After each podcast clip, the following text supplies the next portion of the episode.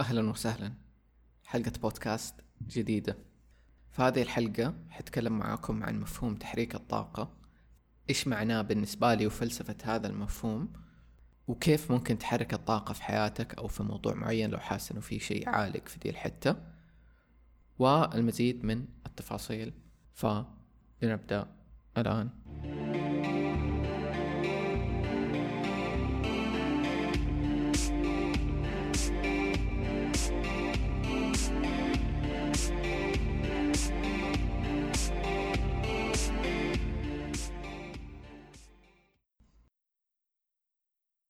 طيب في البداية خلينا نقول إيش يعني تحرك الطاقة؟ تحريك الطاقة يعني لأنه هو مو مفهوم أو فلسفة أحد اخترعها معين. أنا استلهمتها من كذا أحد أو سمعتها من كذا أحد.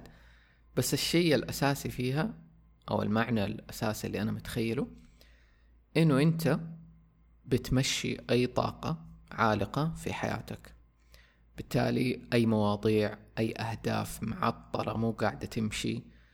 وتحريك الطاقة بالنسبة لي هو كأنه نوع من أنواع لفت انتباه الكون. اليوم أكثر من قبل نعرف قديش عالمنا عبارة عن طاقة وكل جزء من أي شيء نعرفه في داخله في طاقة متحركة ومتذبذبة. وتكلمت أكثر عن ذا الموضوع في حلقة أبعاد الواقع والحقيقة وكمان حلقة الكون الحي. مرة هذول من حلقاتي المفضلة. يعني اللي يغوصوا في ذا الشيء. فممكن لو بعطيك أمثلة تتخيل معايا وتفهم إيش ممكن الأشياء اللي ينطبق عليها تحريك الطاقة. أم مثلا مثال لما أنت قاعد بتستنى شيء شيء يصير قدمت على وظيفة بس بتستنى لسه هل هم حيقبلوك ولا لا.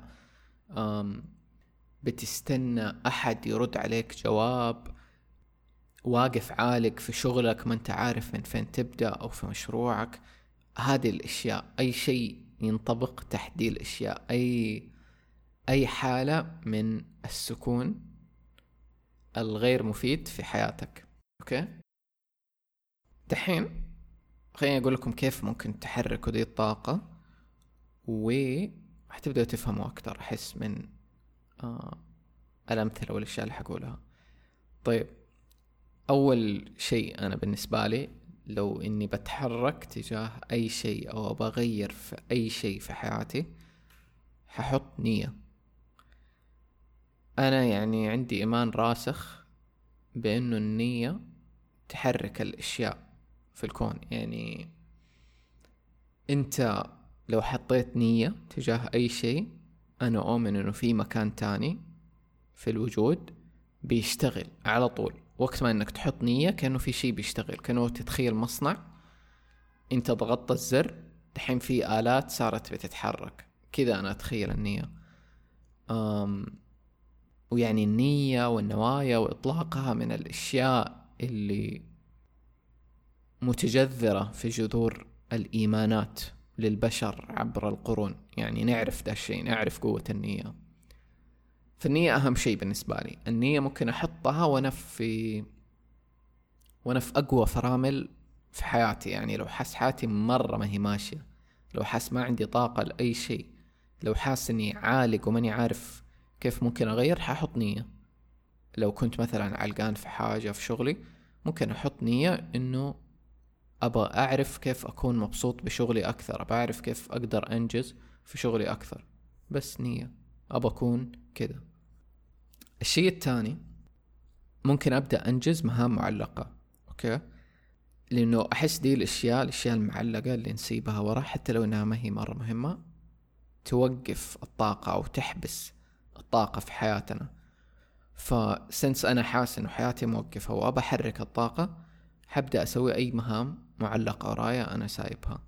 ممكن مشاوير ممكن أجيب أشياء معينة ممكن أسوي شغلانة لأحد معين أي شيء معلق يعني أنا ناوي إني أسويه بس كذا قاعد أجله ولا مرمي ورا أقوم أخلص دي الأشياء.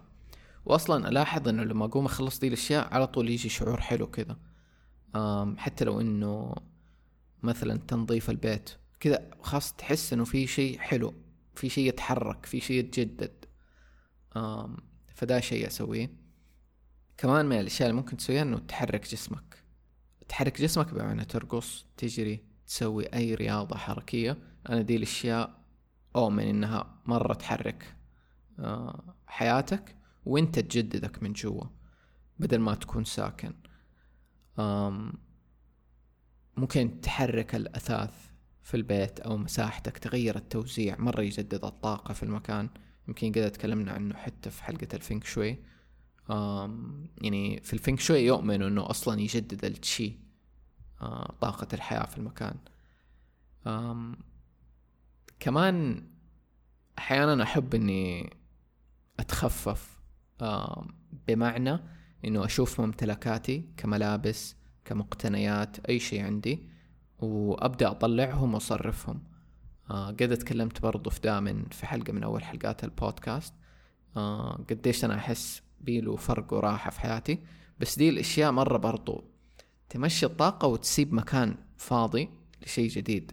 فلما يكون كل اللي عندك مليان وما في مساحة لشيء جديد ما في شيء حيدخل. فكأنه لما أنت تبدأ تحرك دي الأشياء أول شيء بتحرك الطاقة تاني شيء بتسيب مكان فاضي لشيء جديد. فممكن تتخفف من الأشياء اللي أنت ما تحتاجها تطلعها تنظف البيت. كمان أحس من الأشياء اللي تساعد إنه تعبر عن أي مشاعر مكبوتة. لأنه إحنا كل دي الأشياء اللي بنتكلم عنها بنتكلم لو بتلاحظوا أشياء لها علاقة بالتحريك وأشياء لها علاقة بالستاغنيشن أو بالعربي ركود أي شيء راكد في حياتنا لما نحركه. فالمشاعر المكبوتة أحسها تكفل مرة تكفل. ف من الأشياء اللي ممكن تسويها ممكن تفضفض سواء لنفسك على ورقة أو لشخص تحبه وتثق فيه. ممكن تبكي. آه تعبر بأي طريقة عن دي المشاعر طريقة صحية. آم كمان ممكن تضحك. أنا أحس الضحك مرة طاقة وتنحس في البطن بقوة. آه ففي يوغا الضحك في ممكن تتفرج أي شيء أنت تحبه يضحكك. أحس دي الأشياء اللي من اللي تغير المود يعني. كمان كذا وأنا قاعد أفكر يعني أكتب أشياء جاء في بالي الامتنان. أحس إنه يفيد بس مو شرط. وكمان التسامح. إنك تسامح يعني لو حس في كده في كده حقد في في طاقة أنت شايلها شايل على أحد ممكن تجرب إنه تسامح يعني تسامح داخلك. آه، أحس إنه يفيد.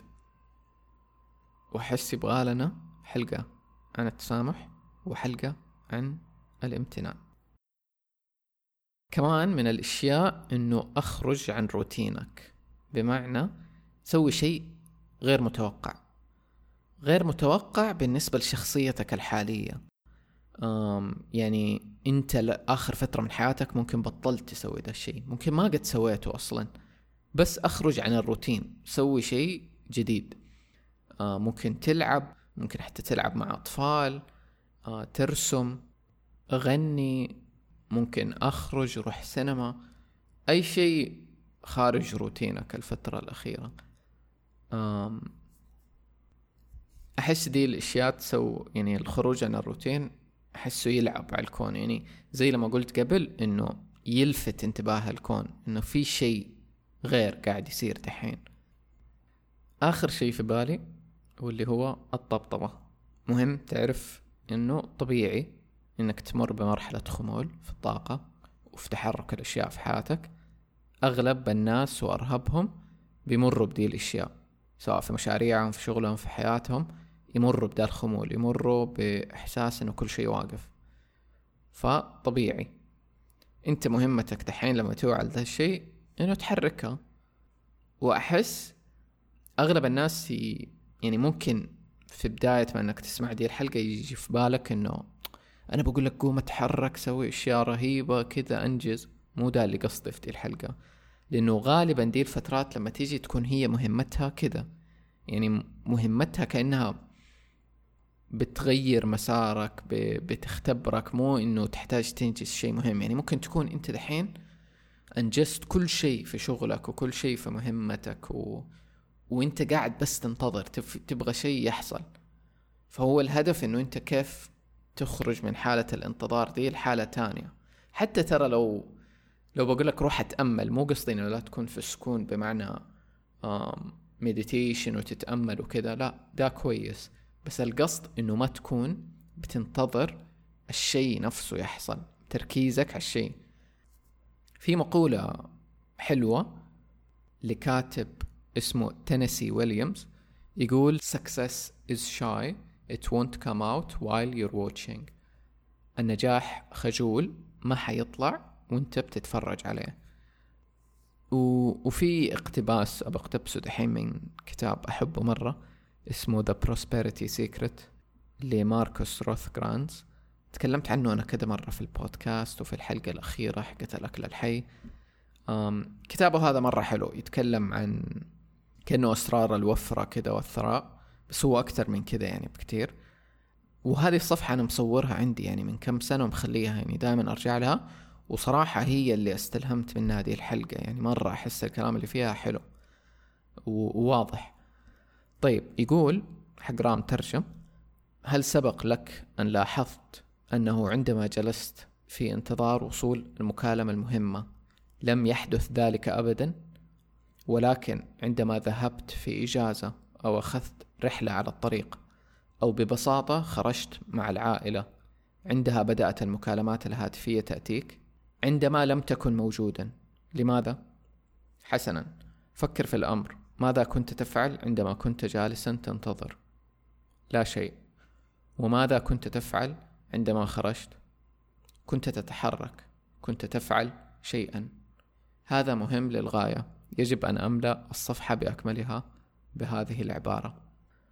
أم أحس مرة واضح الكلام ومرة حلو.